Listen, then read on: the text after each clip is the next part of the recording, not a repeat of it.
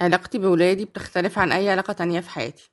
بصفتي أم أنا مسؤولة عن تعليم أولادي وتكوينهم الاجتماعي وإنهم يكونوا قادرين يعيشوا في الدنيا بنجاح من غيري.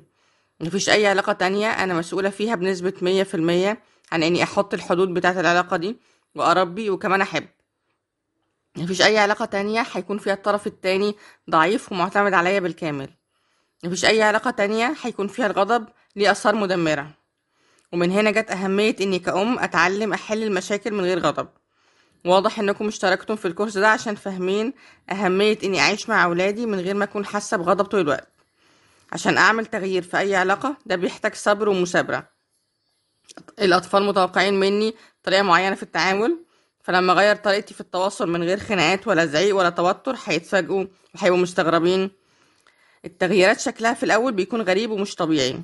وهياخد وقت مني عشان اتعود اسيب ولادي يتصرفوا ويغلطوا من غير ما اتدخل وانقذهم في كل مرة.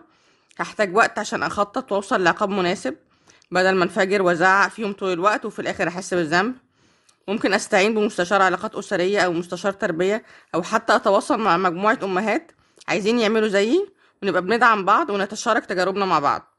لما بسمع تجارب الامهات التانيين واحس اني مش لوحدي واننا كلنا عندنا مشاكل مشابهة ممكن أشوف الأمور بمنظور مختلف.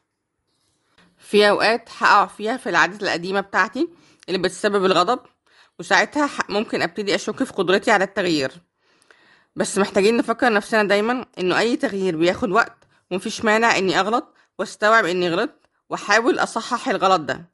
وأي تغيير حتى لو بسيط هيعمل فرق وكل الجهد اللي أنا بعمله دلوقتي كأم هو فقط عشان أحمي أغلى حاجة في حياتي ولادي.